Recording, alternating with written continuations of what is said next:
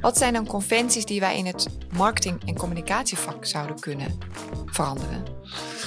Nou, door bijvoorbeeld te spelen met verschillende communicatievormen. Hè. Daar waar het geschreven woord conventie is, zou je er ook beeld voor kunnen gebruiken.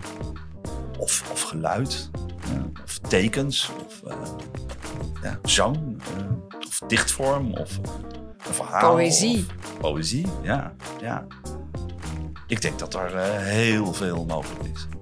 Dus dat je palet in één keer zo breed Ja. wordt. Dat het een soort speeltuin wordt. En dat is dan meteen ook het, het, het, het paradigma wat wij dan ook bij visie hanteren ten aanzien van merkmanagement. Dus we hebben niet de merkpolitie. We hebben ook niet een brand guardian.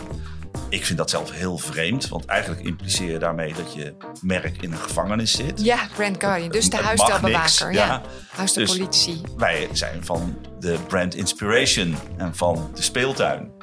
En eh, doe maar, weet je. Als, je. als jij je goed voelt, hè, eh, ook geestelijk en, en vrij, hè, en die politiek en die machtsfunctie zijn er niet, doe je vanzelf de goede dingen. Hoe zorg je ervoor dat je in je communicatie niet alleen heel goed overkomt, maar ook dat het klopt met wie je bent? Dat er geen ruis zit tussen wat je zegt en wat je doet. En hoe doe je dat zelf, maar ook als je met een heel bedrijf bent, met een paar honderd mensen? How to be real. Daarover gaat dit nieuwe podcastseizoen van de Communicatiepodcast. Leuk dat je luistert, heel veel luisterplezier.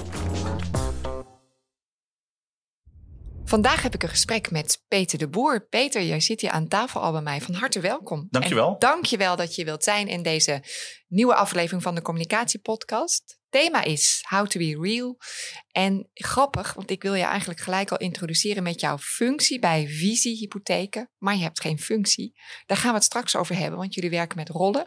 Hele mooie, eh, bijzonder model bij Visie. Eh, maar eerst even naar jou persoonlijk. Jij werkt bij Visie Hypotheek en het gaat over het vernieuwen van de financiële sector. Daar zijn jullie eigenlijk heel hard naar op weg.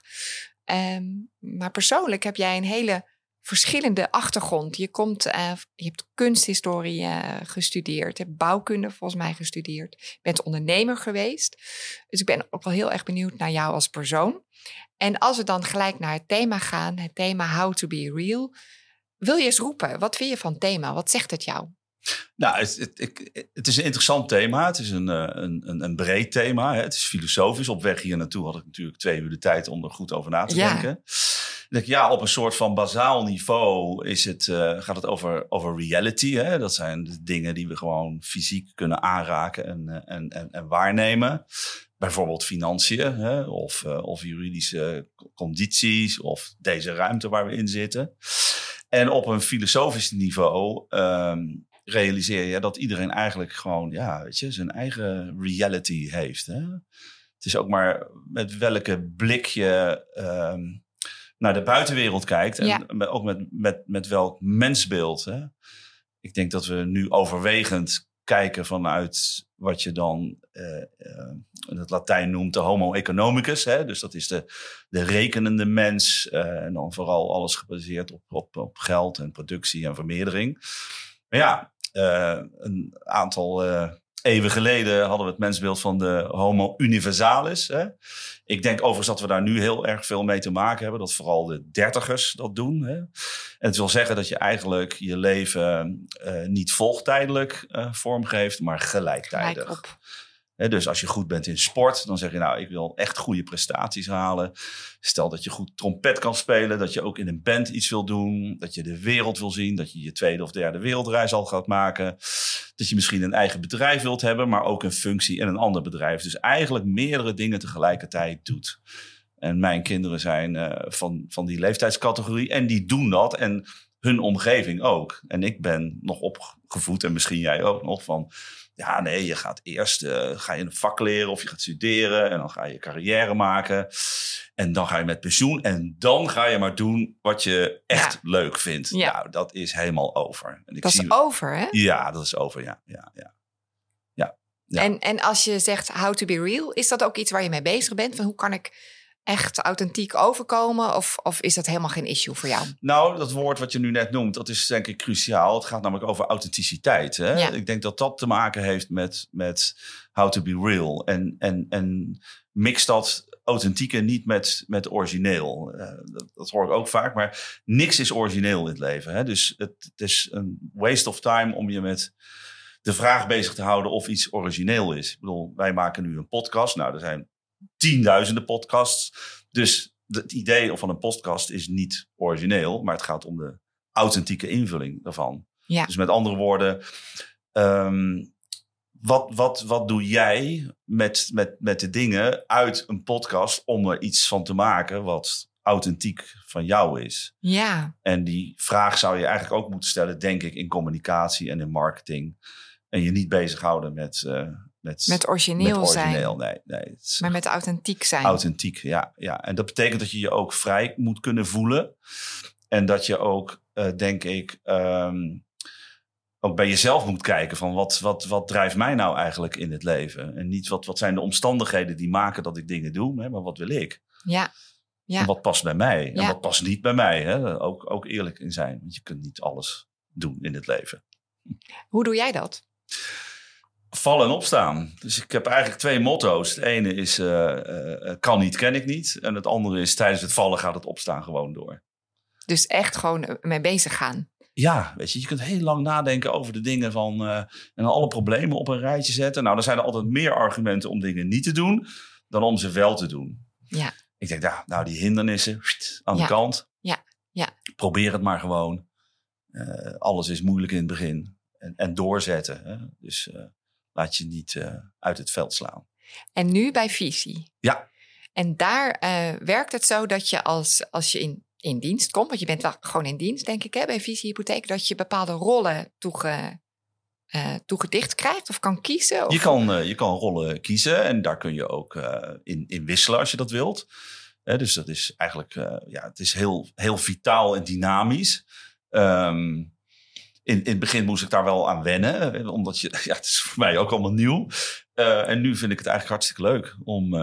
Ja. En wat is jouw favoriete rol? Ja, dat, dat, is misschien eentje die niet gedefinieerd is, maar dat is toch een beetje de luis in de pels. Oké. Okay. Ja, ja. En zorgen en ook inspireren en, en, en kijken of mensen out of the box uh, uh, kunnen denken. Niet om het out of the box denken zelf, maar om je toch eigenlijk voortdurend uh, onderscheidend en vooral inspirerend te kunnen manifesteren. Zowel intern als naar de arbeidsmarkt, als naar de klanten ja. en de potentiële ja klanten ja. die je graag uh, ja. wilt servicen. Ja. ja, want dat hele idee van rollen, dat komt dan vanuit het bijzondere organisatiemodel wat Visie heeft, holacratisch. Zou je iets kunnen toelichten van wat is dat voor model en waarom is daarvoor gekozen? Nou, je hebt zeg maar uh, bijvoorbeeld de autocratie, hè, dat zijn de meeste uh, multinationals, dus het is top-down geregisseerd, dus boven bepaalt wat onder uh, uh, moet doen. Nou, Ja. dan heb je het democratische model. Dat is eigenlijk in mijn optiek autocratie, uh, de meerderheid plus één. Hè? Dus die, die, die kan dan de rest dicteren. En, en holacracy of holacratie wil eigenlijk zeggen dat we de machtsfunctie uitgebannen hebben. Uitgebannen? Ja, ja, de machtsfunctie doet niet mee. Dus je kunt niet zeggen, ik wil dat jij dit doet. Uh, dat kan niet. Hè? Dus je hebt, je, hebt, je, hebt, je hebt overleg. En we hebben gedefinieerd dat wij als werknemers zelf op de eerste plaats staan. Dat de klanten op de tweede plek komen. En dat de vijf aandeelhouders, die zijn onafhankelijk, hè, mm -hmm. die komen het laatste. En die aandeelhouders die werken zelf ook nog binnen het uh, bedrijf. Eentje part-time, maar de rest gewoon uh, full, fulltime. En, en dat maakt dat je op een hele open ja, faire manier uh, met elkaar omgaat. Hè? Dus, dus, dus de politiek is misschien wel een beetje politiek, maar dat is gezond. Maar die vervelende politiek, ja, daar hebben we helemaal geen last van. Is er gewoon niet meer. Nee, nee, nee. nee. Het is, Fascinerend, uh, hè? Ja, want je zou denken, dat gaat helemaal niet werken. Ik ben nog zeg maar in het bedrijfsleven dan uh, opgegroeid hè, vanuit branding. Dat is dan het vak wat ik, wat ik beoefen, hoe vaag dat dan ook is.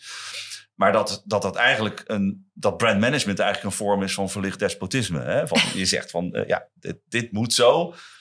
En dat kan niet in een holocratie. Want iedereen draait zich om en denkt van, het zal wel. Succes. Succes, met je, ja. met je plan. Dus, dus Dat moet je dus op een andere manier, eh, andere manier doen. Dat gaat veel meer over overtuigen, over overleg, over koers zoeken, over reflecteren. En dat is al uh, ja, dat is wennen. interessant. Maar ja, super wennen, maar wel heel, heel erg leuk, vind Ja, ik. want hoe kan je dan dat brandmanagement toch, want dan gaan we maar gelijk naar dat vak van jou. Want Ja. hè, dat is wel ook waarom je natuurlijk hier in de podcast zit. Van hoe kan je dat how to be real, het ehm, stukje authenticiteit eh, borgen in je marketing of daaraan werken. Eh, maar hoe werkt dat dan als je in een organisatie werkt waar iedereen maar gewoon een beetje zijn eigen gang gaat? Mag ik dat zo zeggen? Nou ja, we hebben. ehm, kijk, in een, in, een, in, een, in een regulier bedrijf. Hè, laat ik even met, met iets, iets starten wat iedereen wel snapt. Dat is je, je, je huisstijl, hè, je grafische vormgeving. Nou heb je een logo. Er staat al dan niet een payoff onder. En je hebt huisstijlkleuren. Hè, en dat is het dan zo'n beetje. Nou, wij hebben gezegd. eh, we hebben een, een, een logo van een beetje chocoladeletters. Hè, dus het is heel breed. Nou, die als je daar nou. visie, die letters die zo. Ja. V-I-I-S-I. Nou, Ja. als je daar nou de restruimte uithaalt, dan hou je leegte over. En die leegte kun je met iets vullen. Bijvoorbeeld met, een- met een patroon of met een design of met een kleur. Dus we hebben iedereen gevraagd van, eh, wil jij je eigen logo inkleuren? En eh, omdat we natuurlijk een bedrijf zijn waar we zelf het belangrijk zijn, vond ik het heel erg logisch dat iedereen zijn eigen payoff heeft. En die payoff die mag je ook per dag veranderen. Of- Fantastisch. en dat doen we dus nu. En, en, en dat werkt eh, hartstikke leuk. Dus we hebben eigenlijk een, een soort van. Ja, ik, ik noemde het net de homo economicus. Wij zitten eigenlijk meer op de homo ludens, op de spelende mensen. Dus we hebben Ja. mensen gevraagd, speel ermee. En natuurlijk wel binnen grenzen. Het moet er niet, zeg maar, clumsy uit gaan zien of, of rommelig. Hè. Er zit wel een soort van... eh, Wel iets van. eh, ja, maar dat heeft meer te maken met hoe we als cultuur in elkaar zitten. Dus dat hoef je, dat hoef je ook eigenlijk niet te controleren. Dat, dat, dat, dat gebeurt eh, min of meer wel van- vanzelf. En iedereen zijn eigen payoff. Ja, Wat is jouw payoff? kan niet, ken ik niet. Ja, natuurlijk. Ja. Ja. En dat geldt dus eigenlijk ook naar klanten toe. Hè? Want eh, er is altijd een weg. Ja. Maar dat moet je dan wel eh, ja, willen zien en ook doen. Ja, geweldig. Ehm, op jullie site las ik, en daar zul jij denk ik dan ook eh, mee bezig zijn, eh, las ik dat jullie echt gaan voor radicale transparantie. Ja. Dat je dat ontzettend belangrijk vindt. Dat pik ik er dan natuurlijk uit als ik bezig ben met dit thema. En ik ben benieuwd, hoe ziet dat er dan uit? Kan je daar iets over vertellen? Nou, zeg maar op, op dagelijks overlegniveau staan alle, alle vergaderingen die iedereen binnen welke cirkel dan ook heeft, eh, daar kan je zo in kijken. Ja. Ehm, dus dat is eh, transparant, dat blijft er ook staan. Hè? Dus eh, je kunt ook contacten zoeken met andere, met andere cirkels. We zijn in onze financiële zaken zijn we transparant. Dat delen we ook met iedereen. Dus er is, iedereen weet precies hoe we ervoor staan, wat de omzet is, de winstpercentage, eigen vermogen. Eh, eh, klanten weten exact waarvoor ze betalen. Eh, ja, en je wil natuurlijk eigenlijk dat, dat ook verder doorvoeren naar, de, ja, de bredere context. En dat is, dat is niet heel eenvoudig. Hè? Als je kijkt naar bijvoorbeeld waar, waar komt geld nou eigenlijk vandaan. Want een hypotheek is toch een lening. Ja, dan proberen we dat natuurlijk wel te achterhalen. Ehm, maar ja, dat, dat, dat, dat is denk ik nog een, een, eh, een, een lange Waar, weg. waar het geld van jouw hypotheek wat je hebt geleend, waar dat in belegd wordt. Ja, en hoe die hele financi- financiële sector eigenlijk met geld omgaat. En daar is voornamelijk eh, mijn collega's Tom van der Lubbe en Mark-Peter Pijper, die zijn daarmee Mhm. bezig. Om, eh, en ook anderen hoor trouwens. ehm, ja, om daar artikelen over te schrijven, podcast, interviews en om die discussie aan te zwengelen. Ja. Want je kunt je voorstellen dat als de dingen duidelijk zijn, transparant, ja, dan vallen er heel veel vragen weg. Hè? En heel veel achterdocht valt weg. En dat is heel ja, plezierig. dan heb je heel andere gesprekken. Ja, Maar ook intern, dus je zegt eigenlijk van nou, elke vergadering is open. Dus, en wij zitten hier nu een podcast te doen. Bij wijze van spreken, weet, collega's weten van jou, van jou dat je hier nu bent, als het ze zou boeien. ja, als ze naar de mediacirkel gaan, dan kunnen ze zien dat ik nu hier zit. Ja, Oh ja. En dan kunnen ze ook van tevoren even een appje sturen en zeggen van joh, Tom, je moet dit even, of Peter, je moet dit even meenemen Ja. eh, in het gesprek. Ja. Ja, dat zou kunnen. Is niet gebeurd, maar Nee, nee, dat, nee. dat zou kunnen. Maar gebeurt, ga- werkt het zo inderdaad? Van, of, maar daar ben je toch helemaal niet mee bezig? Wat je andere collega's doen? Of hoe? Jawel, eh, we hebben natuurlijk eh, eh, iedere, iedere week, dat heet dan een town hall, zo heet dat dan in de Holacracy. En, en, en dan, ja, iedereen kan daar onderwerpen inbrengen. En die duurt, alles duurt bij ons exact een half uur. En dan kun je in dat half uur kun je dingen delen met je collega's waarvan je denkt, nou, dit is van belang. Ja, Dan hebben we ook nog vaak talks. Eh, dat- we mensen uitnodigen om eh, binnen de, over een bepaald onderwerp eh, dingen te komen vertellen. Nou, dat is vrij toegankelijk voor, voor iedereen, ook voor klanten. En die zetten we dan online, Ja. zodat als je niet kan, of je wilt liever thuis blijven, dat je, het, dat je er kennis van kan nemen. ja, ja. Heel fascinerend. Is het een bepaald type mens die bij jullie werkt? De- de- of of hoe, hoe gaat dat? Ja, dat is misschien een beetje kip-ei of zo. Ik denk dat dit model je ook wel aan, aan moet spreken. Hè? Ja. Want het, het, het, het, er wordt natuurlijk wel een appel gedaan op je eh, eigen verantwoordelijkheid. Hè? En op je eigen, Ja. eigen, eigen inzet. Dus je, je moet dat wel eh, Je kan niet zitten wachten tot iemand jou mailt van... joh, wil je nu dit gaan doen? Einde van de nee, week er graag, is niemand graag die zegt van... ik kom even vanmiddag controleren of alles al af is. Hè? Dat, dat, dat is er niet bij. Dus je moet dat wel zelf, zelf, zelf doen. Dus ja, Je moet een bepaalde senioriteit misschien ook wel hebben dan? Of hoeft dat niet? Ja, of gewoon een soort van eh, verantwoordelijkheidsgevoel. Hè? En, en, en, en, en snappen dat je met z'n allen dit, dit, dit doet. En dat iedereen zijn steentje bijdraagt. En dat Ja. dat ook fair is dat dat op die manier eh, gebeurt. En dat wil niet zeggen dat je niet af en toe vragen of discussies hebt over... Ja, wat, wat, is dat nodig wat jij aan het doen bent? Hè? Dat is natuurlijk vooral op het branding- en marketing domein ook. Eh, meestal kost dat geld, hoewel wij proberen aan onze marketing te verdienen. En dat, dat lukt aardig. Eh, dus we hebben een Holacracy Safari, daar moeten mensen geld voor betalen. We hebben de Consumentenbond op bezoek gehad, eh eh, Roche. Nou, eh, leuke bedrijven die allemaal komen kijken van hoe doen jullie dat? Ja, natuurlijk. En ons salarismodel hebben we zelf in elkaar gezet. Nou, daar, daar hebben we ook een seminar over. Dus zo proberen we ook daar een beetje conventies en tradities van elkaar te scheiden. Ja, ja, conventies en tradities. Ja, Wat bedoel je daarmee? Ehm, als je naar het menselijk bedrijf kijkt, zowel economisch als cultureel, dan bestaat eigenlijk alles uit twee componenten. De kern is meestal is, is eigenlijk altijd de traditie. En dat is verpakt in, in conventies. Laat me een, een heel praktisch voorbeeld geven. Als jij een, een verzekering afsluit eh, voor, een, voor een huis of een auto of iets anders, ehm, dan is de traditie daarvan dat je eigenlijk een juridische afspraak met een ander maakt. Ja. Dat kan zijn over schadeuitkering. Nou, de conventies binnen die industrie is dat we dat verpakken in eh, gemiddeld 70 pagina's onleesbare, onbegrijpelijke juridische tekst. Ja, wat iedereen doet ongeveer, hè? Ja, en dat is natuurlijk bizar. Zeker als je je realiseert dat die partijen zeggen dat ze in de financiële dienstverlening zitten. Nou, ik vind daar niks dienstverlenend aan, aan die Nee. 70 pagina's juridische tekst. Dus als je dat nou wil veranderen, dan. eh, en je zegt, nou, de traditie houd ik. Hè, het is gewoon een afspraak over, over, over bijvoorbeeld schade. Of we wel of niet uitkeren. Kijk dan eens even in andere categorieën en andere menselijke activiteiten hoe eh, bindende juridische afspraken gemaakt worden. Nou, dat gebeurt eh, bij ons in de Tweede Kamer door de ene helft zweert op de Bijbel en de andere helft zegt ik beloof. En dat is rechtsgeldig. Ja. Als je je daar niet aan houdt, is het een misdrijf. Nou, ehm, en ehm, als, je, als je daar dus naar kijkt, dan garandeer ik je dat je allerlei vormen vindt waarin wij juridische afspraken eh, kunnen, kunnen maken die bindend zijn op een andere manier dan die 70 pagina's Ja. tekst. Nou, en als je dat toepast, ja, dan krijg je verandering. En, en, en daar kan je, dat kan positieve verandering zijn. Als iemand die tekst leest, want wat je eigenlijk bedoelt is ehm, eh, in zo'n in zo'n schadeafspraak van, eh, joh, als jij je aan de regels houdt, dan eh, hou ik me ook aan de Ja, regels. dat. Klaar. Hè? Dus we, je verzekert alles behalve asociaal gedrag.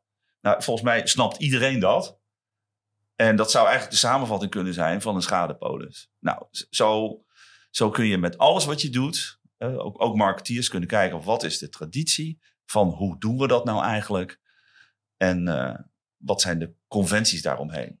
En dan ga je aan die conventies, daar ga je, aan die knoppen ga je draaien als je verandering wil. Ja, ja. Kijk, een beeldend kunstenaar, om, dat is mijn, mijn, mijn achtergrond, die gaat ook aan de traditie zitten. Ja, ja. En dan, dan, dan gaat dat wel heel ver. ja, dan hè? ga je echt heel erg aan die fundamenten dan ga je zitten. echt op glad ijs. En, Ja. dat, en dat moet je ook leuk vinden. En dat, dat, dat kan dat risico's kost, met zich ja, inhouden. precies, Maar dat heeft een prijs. het is risicoloos om de traditie te beschermen. En dan toch tijd te besteden aan van hoe kunnen we nou die conventies eh, op een andere manier eh, in, inrichten. Ja, dat vind ik super fascinerend wat je zegt. Ook van als je, als je daarmee bezig gaat met die conventies. Ik had het hele woord nog nooit zo goed bedacht, maar probeer ik nu ook een beetje mijn eigen te maken. Dus eigenlijk de manier waarop je dat wat interpreteert, of hoe je het opschrijft, of hoe je ermee omgaat, dat is het denk ik dan. Ja. Hè? Eh, maar als je daarmee aan de slag gaat, dan komt er verandering. Dan komt er verandering, ja. Ja, ja. Ja. Wat zijn dan conventies die wij in het marketing- en communicatievak zouden kunnen veranderen? Nou, door bijvoorbeeld te spelen met verschillende communicatievormen. Hè. Daar waar het geschreven woord conventie is, zou je daar ook beeld voor kunnen gebruiken. Of, of geluid, hè, of tekens, of eh, ja, zang, eh, of dichtvorm, of eh, een verhaal. Poëzie. Poëzie, ja, ja. Ik denk dat er heel veel mogelijk is. Dus dat je palet in één keer zo breed Ja. wordt. Dat het een soort speeltuin wordt. En dat is dan meteen ook het, het, het, het paradigma wat wij dan ook bij visie hanteren ten aanzien van merkmanagement. Dus we hebben niet de merkpolitie. We hebben ook niet een brand guardian. Ik vind dat zelf heel vreemd, want eigenlijk impliceer je daarmee dat je merk in een gevangenis zit. Ja, Brand Guardian. Dus de huisstijlbewaker. Ja. De Dus- politie. Wij zijn van de brand inspiration en van de speeltuin. En eh, doe maar, weet je. Als, je. als jij je goed voelt, hè, eh, ook geestelijk en, en vrij, hè, en die politiek en die machtsfunctie zijn er niet, doe je vanzelf de goede dingen. Er is nu een speeltuin in Oost-Londen. Eh, was, laatst gepubliceerd op, op BBC. En ehm, dat is een speeltuin. Daar, liggen echte scheppen en grote balken en kettingen en, en weet ik wat, al- allemaal spul. En je zou zeggen van ja, nee, dat, dat, eh, als, eh, kinderen op. kunnen zich bezeren. En eh, nou, tegendeel is waar. En daar worden fantastische dingen worden er, worden er gemaakt. Dus dat is eigenlijk ook een, een vorm van spelen. Anders kijken naar de traditie. Anders En gedaan. anders kijken naar de conventies. En je zei, als jij je goed voelt en vrij voelt, dan ga je ook automatisch goed met de dingen om. ja, dan is de kans. eh, ik wil niet zeggen dat het altijd misgaat. eh, niet misgaat. Ehm, maar ja, weet je. ehm, ik denk dat dat ook goed is. Hè? Eh, je, ze zeggen wel eens, je moet je grenzen opzoeken. Ja, je kunt alleen maar je grenzen opzoeken als je er overheen gekukeld bent. Want dan weet je, oh, daar was de grens. En daar moet je ook niet moeilijk over doen. Dus, dus, dus bij ons mislukken ook wel dingen. Maar ja, weet je, big deal. Ja. Nou, hebben we dan geleerd. Big deal. Prima. Ja. Dus dat was positief. Ja, ja. Daar lag de grens. Ja. En je weet zeker dat die grens volgende week weer ergens anders ligt. Hè? Dus het is, het is di- dynamisch. Dus die, die hele rigide manier van, van, van brandmanagement, daar geloof ik ook niet in. Het is echt een, een, een, een, een, een, een wisselwerking tussen wie je zelf bent, wat er gebeurt in de samenleving, waar de politiek en de economie en de cultuur naartoe gaat. En dat is een soort van, ja, lekker dansen op slappe koord.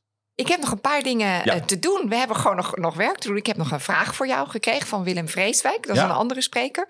Maar je hebt zelf ook iets meegenomen. Ik dacht, daar wil ik ook graag even aandacht aan besteden. Dus iets dat heeft te maken met dat gesprekje waar we het net over hadden, die conventies. Dat je op een andere manier omgaat met een traditie als een contract, een arbeidsmarktcontract.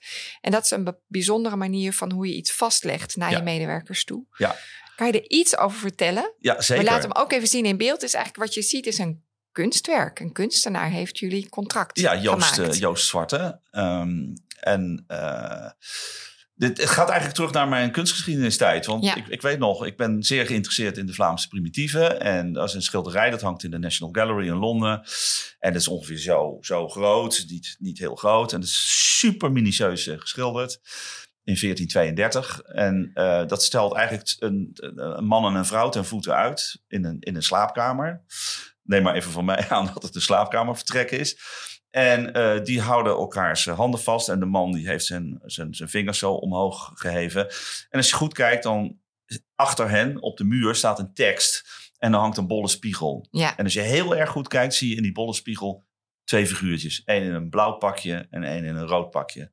En op die tekst op de muur staat in het Latijn... Jan van Eyck was hier in 1432. Nou, en, en, je leert natuurlijk als kunsthistoricus om zo'n beeld te analyseren. En wat blijkt, dit is hoogstwaarschijnlijk een juridische huwelijksakte. En die is niet, uh, er is geen, geen tekst voor gebruikt. Nee. Maar dat uh, fotografie was er nog niet. Daar is een schilderij, is een schilderij. van gemaakt. Met uh, de aanwezigheid van de kunstenaar als, uh, als, als getuige. En dat mannetje of dat figuurtje in het blauwe pakje, dat stelt zeg maar de spirituele liefde voor. En in het rode pakje de fysieke liefde. En zo zitten er meer verwijzingen in. Hè, dan moet, je moet eigenlijk dan ook zeg maar die, die, die, die 15e eeuwse uh, uh, symboliek kennen. Om te duiden dat we hier met een juridisch contract te maken Ja. hebben. Nou, lang verhaal kort. Wij hebben een speciale relatie met onze uh, werknemers. Dus ik dacht, waarom wordt die bezegeling ook in zo'n saai juridisch document vastgelegd? Want ja, dat zijn ook allemaal lettertjes en je gooit het in een la en je kijkt er nooit meer naar. Nee. Hoe leuk zou het zijn als jij iets zou hebben wat uh, juridisch bindend is en wat je aan de muur kan hangen. Nou, dus ik hoef dus niet zo lang na te denken. Ja, oh ja, Van Eyck heeft het ook al gedaan, dus dat moet nu ook mogelijk zijn. Geweldig. Ja, nou dat duurde even. Dus we hebben met, met een juriste zijn- zijn we volgens mij maanden bezig geweest. Het ja, waren ook allemaal zal. van die conventies, hè, van die Ja, ja, ja. Dat kan niet, kan niet, kan, Kan niet, kan niet, kan niet. Nou, uiteindelijk kan het, eh, kan het gewoon wel. En is gelukt. Het is gelukt. En de eerste zijn ondertekend. En we hebben een oplage van 150. En doordat, zeg maar, Joost Zwarte signeert, een van de partners, en ieder, iedere individuele werknemer, hebben we de facto en de jura een uniek kunst, eh, Ja. kunstwerk. Dat is gewoon waarde. Dat heeft waarde, ja. We hebben nu al vragen van verzamelaars van, eh, kunnen we niet. Maar dat kan dus niet. Nee, nee Dat gaat het is niet. gewoon gepersonaliseerd. Ja, is, eh, Fantastisch. ja. En ook een heel mooi voorbeeld van waar we het net over hadden. Van je kan dus gewoon een conventie, eh, daar kan je aan sleutelen. En Ja. dat heb je eh, met verven gedaan. Want ik zag jullie hier ook over in de bladen. Dus dat wordt heel goed opgepakt ook. Nou, heel inspirerend. Ik ga naar de vraag die we ingestuurd hebben gekregen. Van wat ik net al zei. Een vorige spreker uit... uit deze podcast. Willem Vreeswijk, oprichter van eh, New Financial Forum. Denk haast dat je hem wel moet kennen. Hij is ook heel erg bezig in Ja. de financiële wereld. En hij ziet eigenlijk de financiële sector als het bloedvatenstelsel van onze samenleving. En hij zei, daar, ja, daar moet ik, daar wil, die wil ik gezonder maken. Nou, dat, dat lijkt heel erg op jullie, eh, jullie missie. En hij heeft een vraag speciaal voor jou ingesproken. Ik ga hem nu aanzetten. Dag Peter. In het New Financial Magazine eh, geef ik altijd voorbeelden van purpose in praktijk.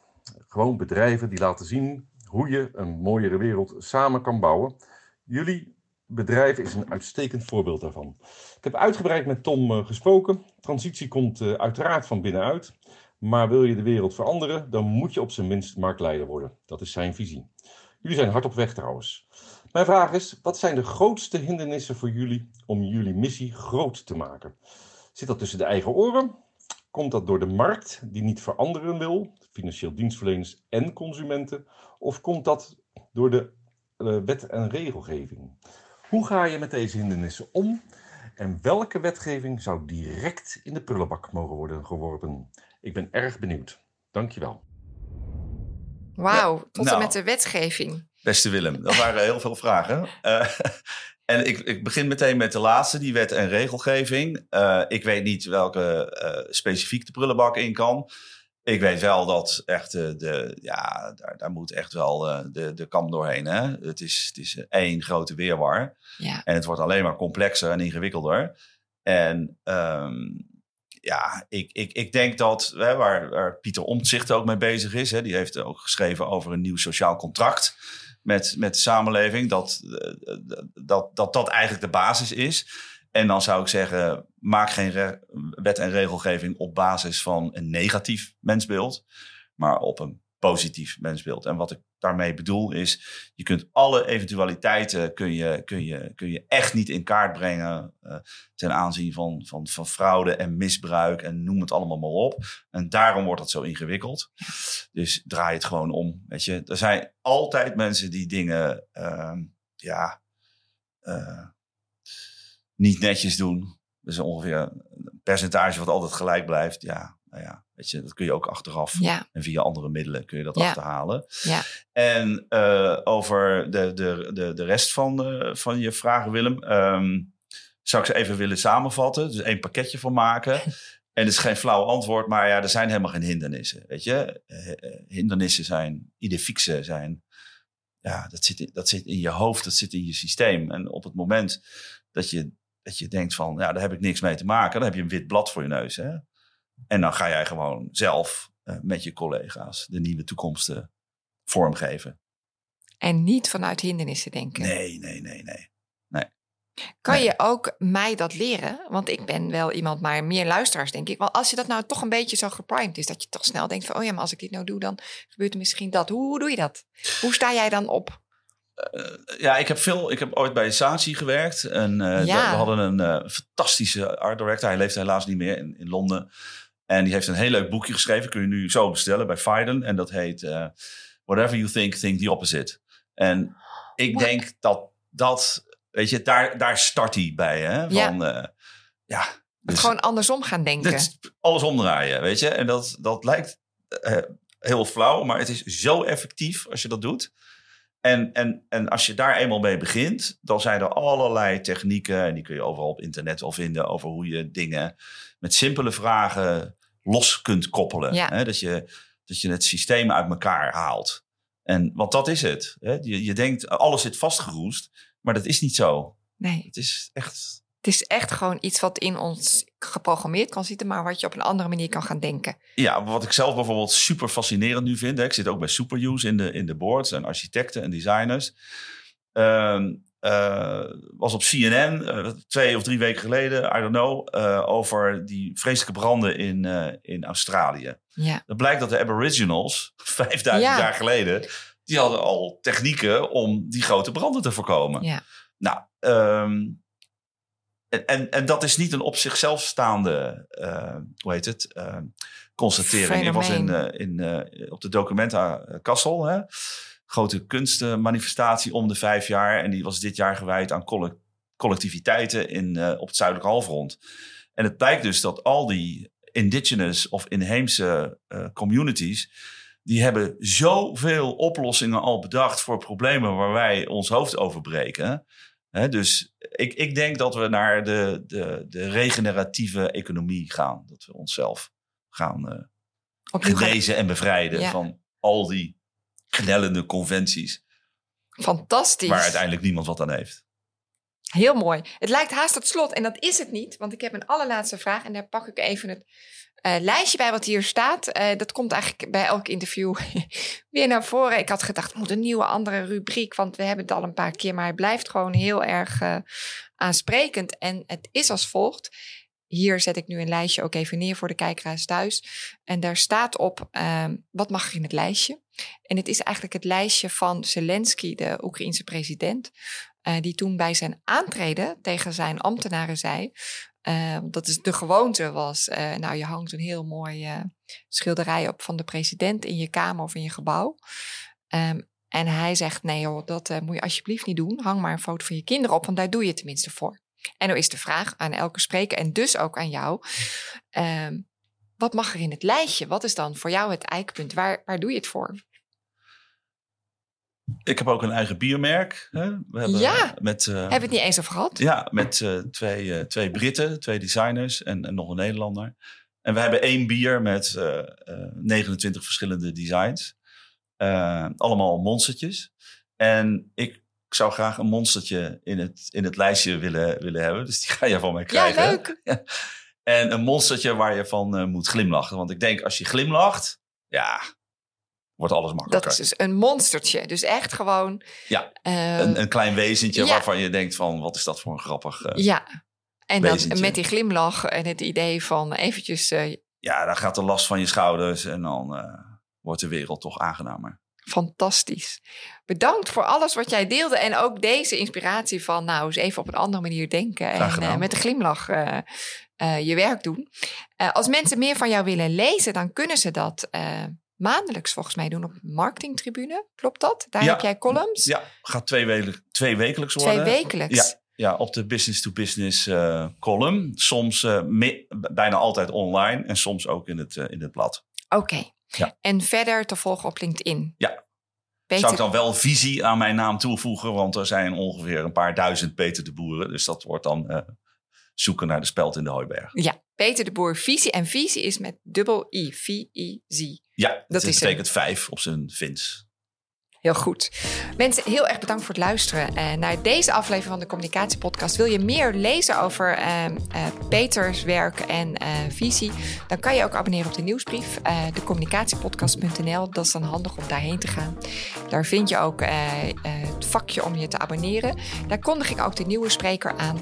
En daar geef ik ook de leestips door die eh, nu net zijn genoemd. Van dat hele mooie boekje om anders te denken. Ehm, zie je ook even een plaatje van dat contract waar Peter net mee kwam. En veel andere informatie over dit nieuwe seizoen How to Be Real. Veel succes met alles waar je mee bezig bent en dankjewel voor het luisteren. Dankjewel voor het luisteren. Wil je nou meer inspiratie?